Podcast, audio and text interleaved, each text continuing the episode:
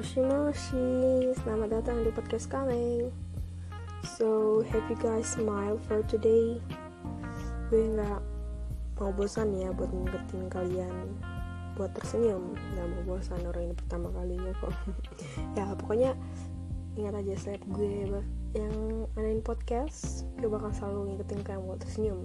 Ya semangat senyum selalu guys. Senyum itu apa ya? Senyum itu ibadah ya enggak. Senyum itu hmm, bisa buat kalian lebih sedikit lebih rileks saat belajar. Jadi ada baiknya senyum gitu loh. Nggak apa-apa kerjain soal sambil senyum belajar sambil senyum walaupun orang gila ya kan nggak apa-apa. Kan di kamar sendiri nggak ada yang lihat. Lu senyum-senyum. Tapi gue juga mau bilang belajarnya jangan terlalu dipaksa jangan sampai lupa kese apa ya kesehatan gitu kesehatan itu yang, pertama guys. So, kalian juga gak apa-apa.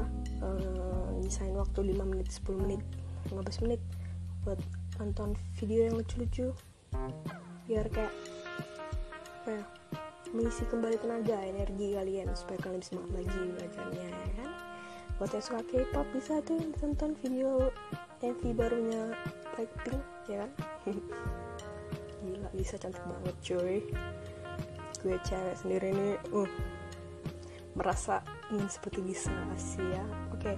anyways kalian jangan selalu lupa tersenyum ya. That's the point. Dan tetap semangat jangan kasih kendor. Oke okay. gue belum perkenalin diri gue dari tadi nyerocos mulu. Nama gue Vanessa. You guys can call me Nessa. So gue angkatan 2020 corona. Yap. Namun sekarang gue lagi gap year sedih. But it's okay. Gue kuat. Nah gue kuat. Gue lagi gap ya. So teman-teman sekarang lagi kelas 12 juga harus kuat kayak gue ya kan? Semuanya kita semangat berjuang buat tahun depan. Oke okay, so hari ini gini kita mau belajar apa guys? Jadi hari ini kita mau belajar kimia. You kimia. Oke okay, di open request kemarin ada yang request tentang termokimia. Jadi hari ini kita bakal belajar termokimia. Hmm, sebenarnya termokimia memang cukup sulit bagiku sendiri but gak apa-apa. Kita kupas bersama-sama di sini. Teman-teman jangan lupa ambil pensil atau pulpennya dan kertasnya. Kita belajar bareng-bareng ya. Let's go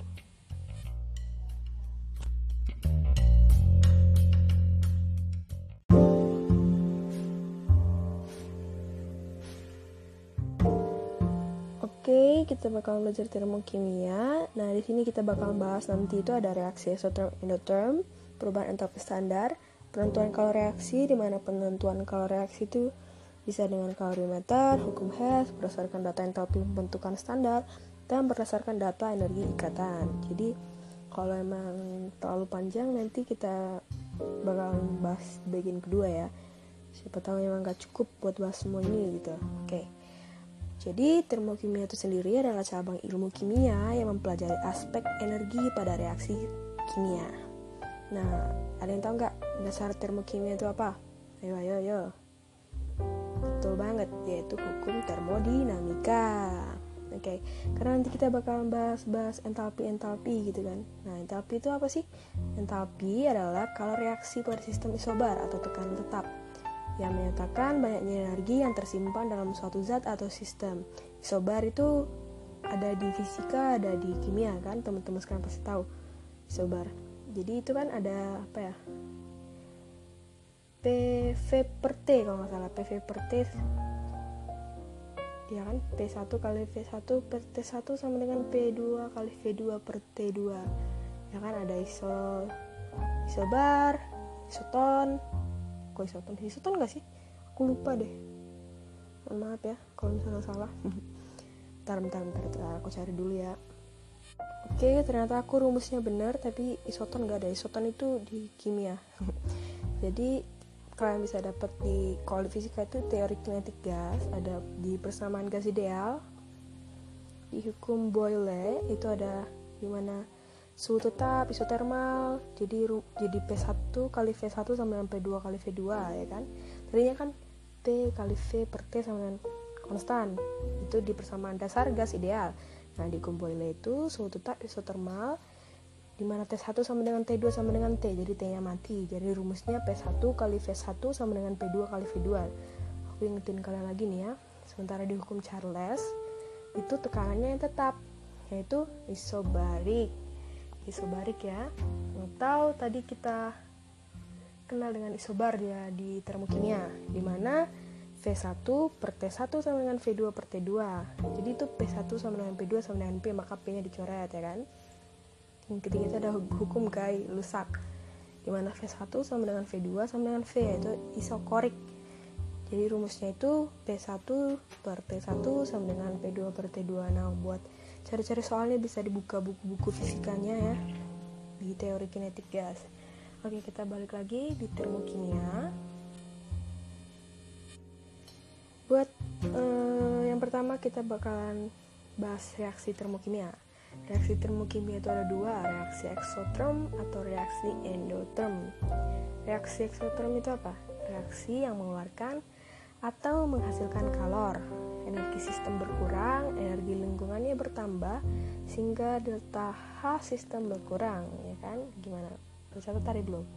Misalnya nih gini, ada sebuah lingkaran, aku uh, gambarkan, kalian pikirkan di awang-awang ya, pikirkan, pikiran kalian, imajinasi kalian ada sebuah lingkaran nah di lingkaran itu kalian tulis di dalam sistem so di dalam lingkaran itu adalah sistemnya ya nah di pinggir-pinggir lingkaran itu kalian buat tanda panah keluar tanda panah keluar kalor. Jadi dari sistem kalor menuju ke luar maka di tadi kan sistemnya di lingkaran nih. Di luar itu apa? Lingkungan. Maka Energi di dalam lingkaran itu, di dalam sistem itu sendiri berkurang, sementara energi di luar atau energi lingkungan bertambah, maka delta H-nya delta H sistem berkurang atau delta H sama dengan negatif, ya kan? Entalpi. H itu entalpi ya, jangan lupa ya. Yang kedua ada reaksi endoterm. Reaksi yang memerlukan atau membutuhkan kalori di mana energi sistem bertambah dan energi lingkungannya berkurang, maka delta H sistemnya bertambah. Sama seperti yang tadi, ada sebuah lingkaran, lingkaran itu sistem sendiri. Nah, tadi uh, tanda panahnya keluar kan di pinggir-pinggir lingkaran itu kalori menandakan bahwa kalorinya keluar. Nah, kalau di reaksi endoterm itu tanahnya menuju ke arah lingkaran. Jadi kalori yaitu bertambah di sistem di energi lingkungannya ya berkurang gitu kebalikannya ya teman-teman ya oke kalian teman-teman udah paham kan? Nah, kalau buat ininya aku mau kasih gambarannya nih. Tabel hubungan jenis reaksi perubahan entalpi dan kalor. Nih kalian kalian apa ya? Kalian imajinasikan. Soalnya sulit kan aku aku menggambarkannya dari ucapan ini. Jadi kalian harus imajinasikan. Ada tiga tabel ada tiga tabel ya ada tiga kolom dan tiga baris. Nah pelajar matematika kan matriks kolom baris kolom dan baris ya kan ada tiga kolom dan baris nah kolom pertama itu reaksi kolom ketiga Q atau kalor kolom keempat itu ada delta H atau perubahan entalpi Tadi di baris pertama, kolom pertama reaksi kan. Nah, di baris kedua nanti ada exotherm, endotherm. Nah, di exotherm, Q atau kalornya itu bertambah. Delta H-nya atau perubahan tapinya berkurang. Sementara di endotherm, Q atau kalornya berkurang, delta H atau perubahan entalpinya bertambah. Paham kan? Nah, itu tabelnya ya. Tabel hubungan jenis reaksi. Aku ulangi. Di exotherm, Q atau kalornya bertambah delta H perubahan entalpinya berkurang. Endotherm Q atau kalornya berkurang, delta H atau perubahan entalpinya bertambah. Oke? Okay? Paham kan teman-teman sekalian?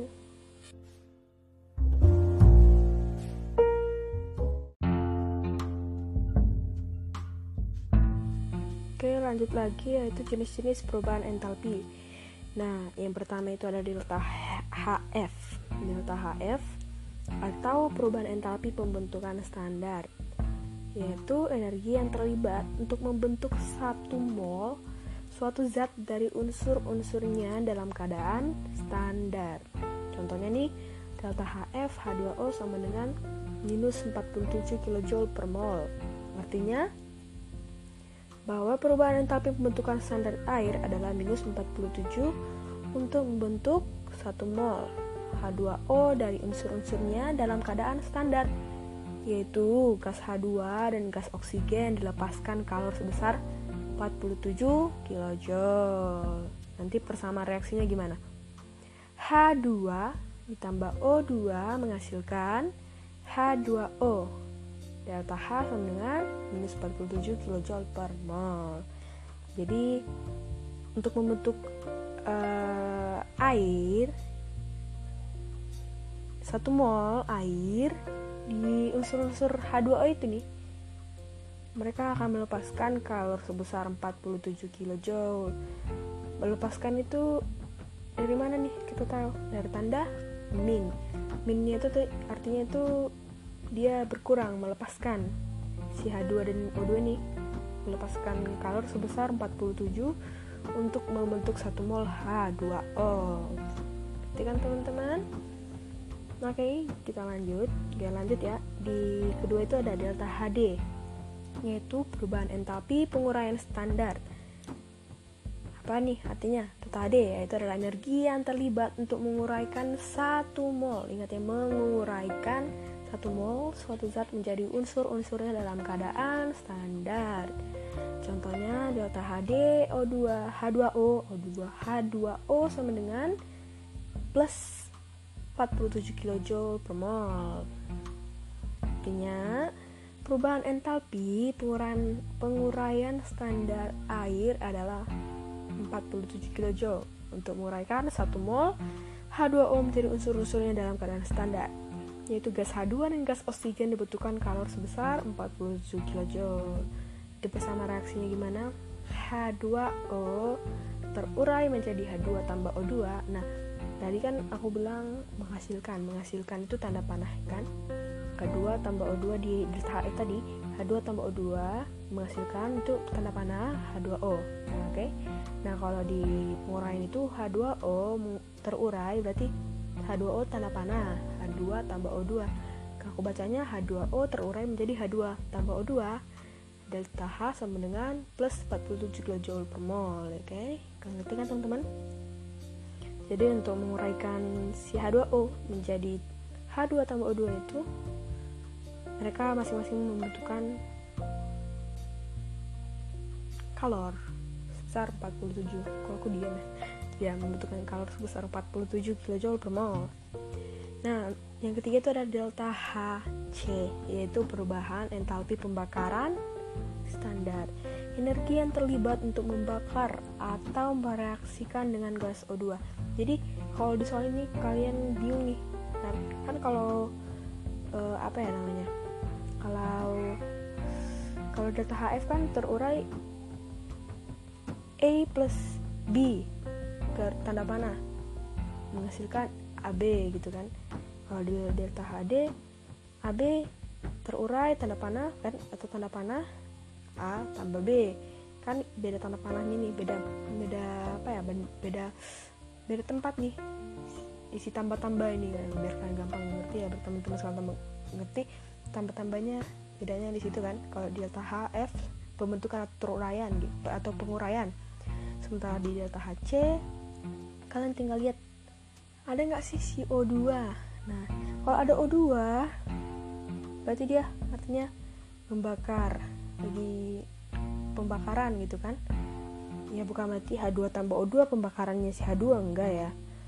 Itu kan air. Misalnya nih kalian bakar si uh, etana si apa gitulah gitu ya si hidrokarbon itu si kawan-kawannya dibakar. Misalnya CH4 tambah 2 kayak contoh yang nanti yang pas ini. Oke kita lanjut aja dulu biar agak ngerti. Yaitu tadi apa? Energi yang terlibat untuk membakar atau mereaksikan dengan gas O2 satu mol suatu zat menjadi hasil reaksinya. Contohnya delta H C CH4 sama dengan minus 105 kJ per mol yaitu perubahan entalpi pembakaran standar metana ya kan? Tadi kayak aku bilang standar metana adalah minus 105 kJ untuk membakar satu mol CH4 menjadi hasil-hasil reaksinya pada keadaan standar yaitu dilepaskan sebesar 105 kJ per mol. Tadi aku bilang dilepaskan itu minus kan? Persamaan reaksinya gimana? CH4 tambah O2 nah, menghasilkan CO2 tambah H2O di mana delta H sama dengan minus 105 kJ per mol kayak bilang tadi kan sini kan kelihatan langsung nih si CH4 tambah O2 dia direaksikan dengan O2 artinya pembakaran si metana yang akan menghasilkan CO2 dan air. Ya kan? Oke. Okay. sampai sini paham kan teman-teman sekalian?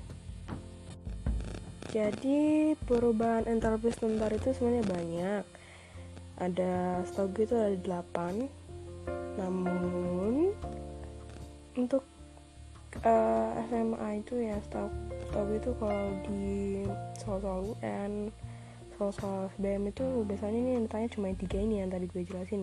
Tapi gue bakal ngasih tau kalian juga nih sisanya ini ada apa aja yang lima lagi. Cuma gue kasih tau doang ya.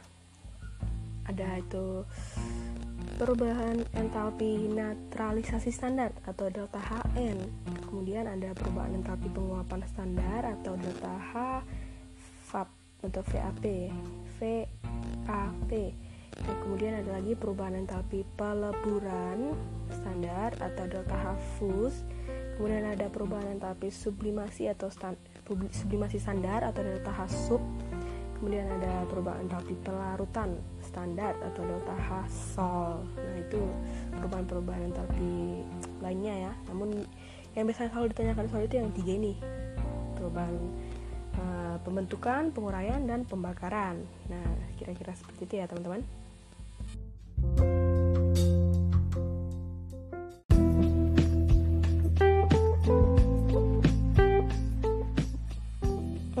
Kita lanjut lagi. Yang ketiga adalah penentuan kalor reaksi. Perubahan entalpi itu dapat ditentukan dengan empat cara, yaitu kalorimeter, hukum Hess, entalpi pembentukan standar, dan energi ikatan. Yang pertama ada kalorimeter. Jumlah kalori yang diserap oleh air dapat ditentukan dengan mengukur kenaikan suhu larutan dalam kalorimeter. Rumusnya apa? Yaitu Q sama dengan M kali C dikali delta T di mana C nya itu adalah kalori jenis air ya teman-teman. Jangan lupa ya. Kalau di kilautan itu C nya kalori jenis air. Sementara di kalorimeter rumusnya apa? kalorimeter sama dengan C dikali delta T. Di, kalau di kalorimeter itu C nya apa? kapasitas kalor kalori meter jangan lupa ini kadang kita agak-agak lupa kan karena sama C. Kalau di kilautan itu C kecil di kalorimeter itu C besar okay. di key reaksi juga ada lagi nih. Sebenarnya kayak apa ya punduran-punduran rumusnya gitu lah ya. Uh, key reaksi itu sama dengan key eh sama dengan key, key reaksi sama dengan min buka kurung. Key larutan tambah key kalorimeter tutup kurung. Kemudian lagi key, uh, diturunkan lagi key reaksi sama dengan min key larutan di mana delta H sama dengan min Ki larutan per mol sama dengan Ki reaksi per mol agak sulit ya kalau aku bacakan tapi mudah-mudahan teman ngerti teman-teman sekalian ngerti ya mudah-mudahan ya amin.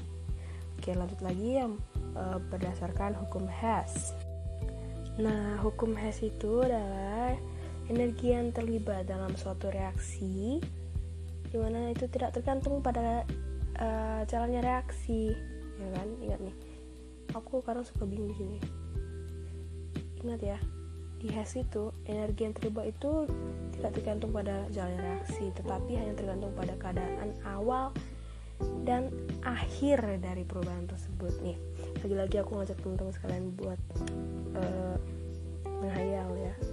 Ambil pensilnya ditulis ditulis di digambarkan di buku di kertasnya di bukunya. Ada nih A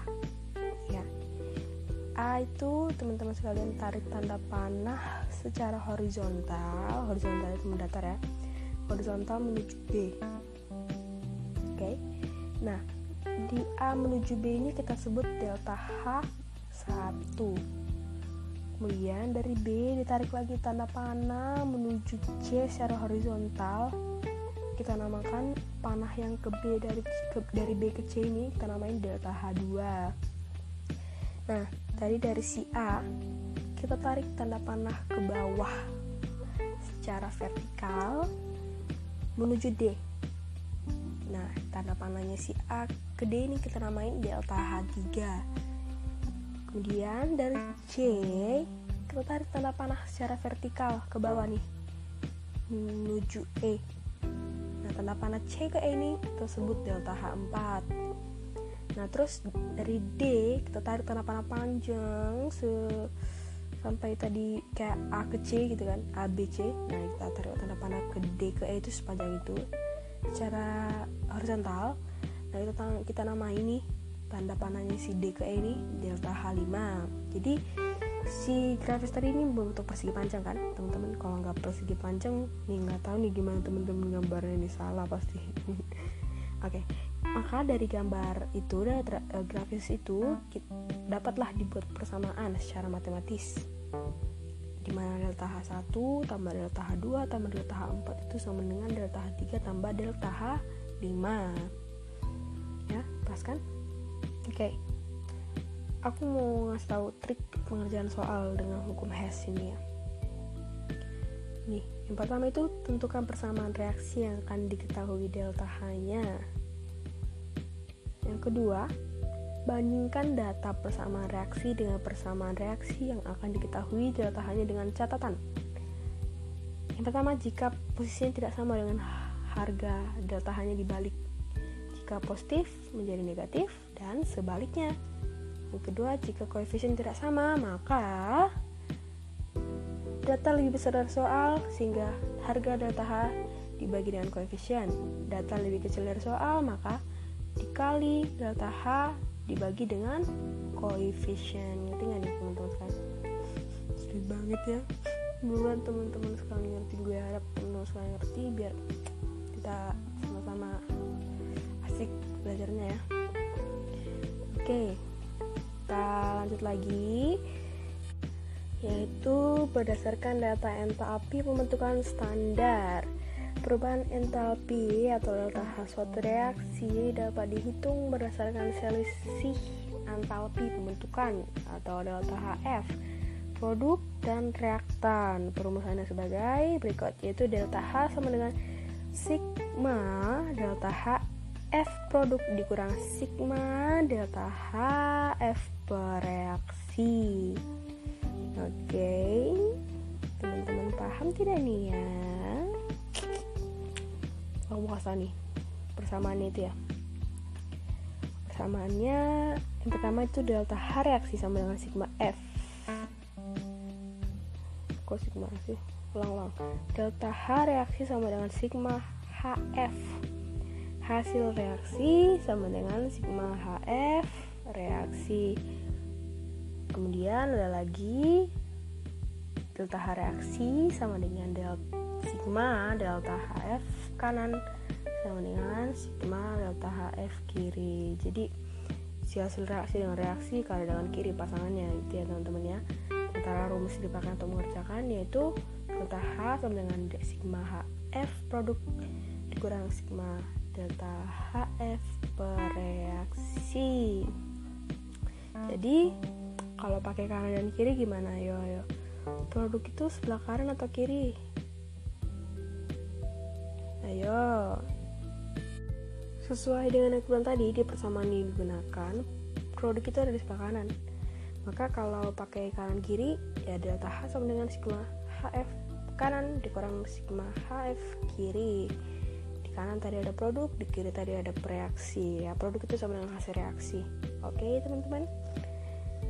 Kita lanjut lagi. Yang keempat itu ada berdasarkan data energi ikatan energi ikatan yaitu energi yang diperlukan untuk memutuskan satu mol ikatan dari suatu molekul dalam wujud gas. Perubahan tapi data delta H suatu reaksi dapat dihitung dengan apa? Ayo ayo ayo. Yaitu dengan delta H reaksi sama dengan EI itu EI itu apa? Energi ikatan. Pemutusan dikurang energi pembentukan paham nih ya teman-teman ya? Jadi delta H itu reaksi ini bisa dihitung dengan sigma energi pemutus, energi ikatan pemutusan atau energi ya pemutusan ikatan reaksi ya jangan lupa. Pemutusan ikatan reaksi dikurang dengan sigma energi pembentukan ikatan produk. Jangan lupa nih. Oke. Triknya apa? Yo yo yo. Kasih triknya. Trik pengerjaan soal dengan energi ikatan. Yang pertama itu buat struktur batang agar kelihatan jumlah ikatan. Jadi sebenarnya saat ada soal-soal yang kayak gini nih lebih gampang itu kalian buat struktur batangnya supaya kelihatan nih jumlah ikatannya ya kan? yang kedua jika terdapat ikatan yang sama antara reaksi dan hasil reaksi langsung dihilangkan terlebih dahulu. Jadi kalau ada yang sama apa namanya ikatannya si reaksi dan hasil reaksi langsung hilangkan aja ya kan. Kemudian hitung energi ikatan pemutusan dan hitung energi ikatan pembentukan. Selanjutnya kurangkan energi ikatan reaksi dengan energi ikatan hasil reaksi. Aku kasih contoh nih diagram. Ya lagi-lagi kita harus berimajinasi. Imagination ya kayak lagunya Shawn Mendes. Imagination. Jadi kalian buat uh, grafik garis garis kartesius ya. Garis, garis grafik kartesius x sama y. Tahu kan kartesius itu x sama y? Nah di sebelah di garis y nih sebelah kiri aku kita main bukan depan kita. Jadi kiriku dan kiri teman-teman sekalian nih sama sekarang kan. Sebelah kiri itu ada delta H3 ditulis ada samping garis Y. Delta H3 nah di sebelah kanan itu ada garis. Wow sulit banget nih menggambarkan ini. Sebelah kanan ini Y ada garis secara vertikal menuju ke bawah. Jangan putus langsung lanjut ke kanan dikit atau vertikal eh, secara horizontal. Jadi tadi garis dari atas kan? Jangan langsung putus langsung garis, uh, tarik ke lagi ke kanan tanda panah.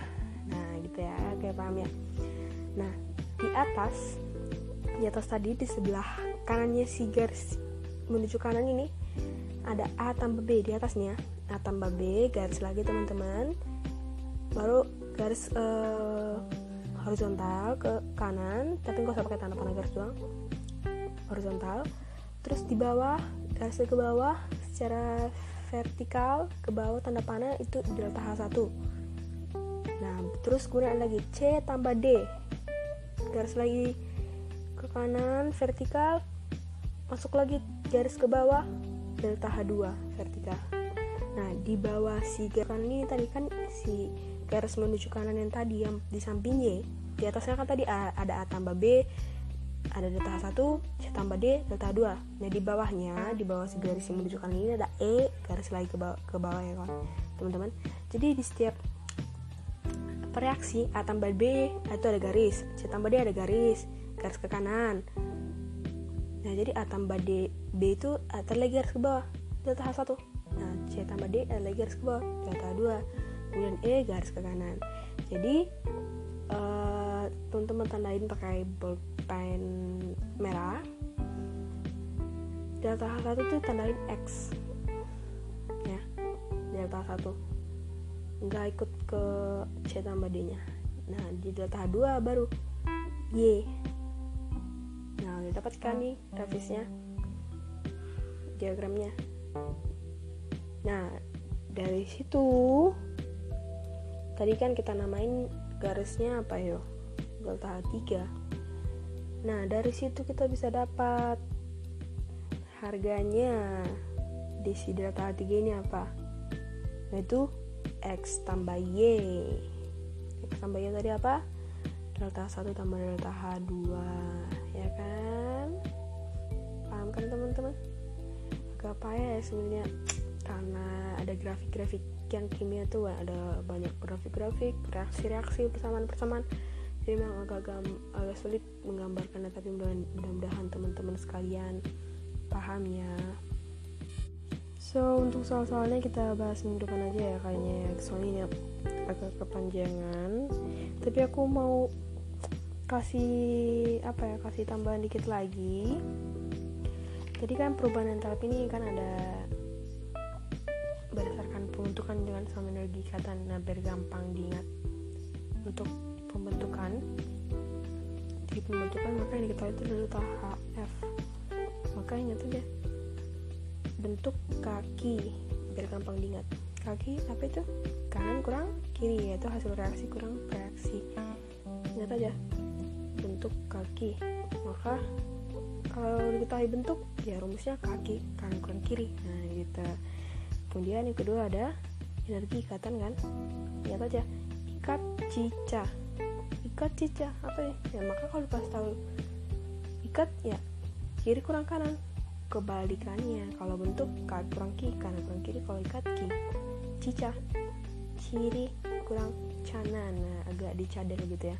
Ikat itu adalah kiri kurang kanan. Ingat aja itu teman-teman sekalian.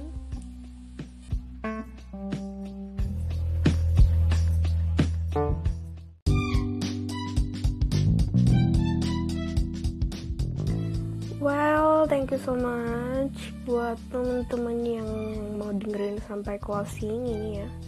Nggak terasa udah setengah jam kita cerocos-cerocos yang bermanfaat, cerocos ria ya, namun bermanfaat. Dan buat teman-teman yang kelas 12 jangan lupa PJJ-nya juga jangan ditinggalin, PJJ juga harus tetap semangat karena UTBK penting namun PJJ juga tidak kalah penting coy oke okay? stay health semuanya kalau keluar rumah pakai masker ya. Jangan lupa corona ini jahat banget coy. Ya ampun gila. Jahat banget si kawan ini.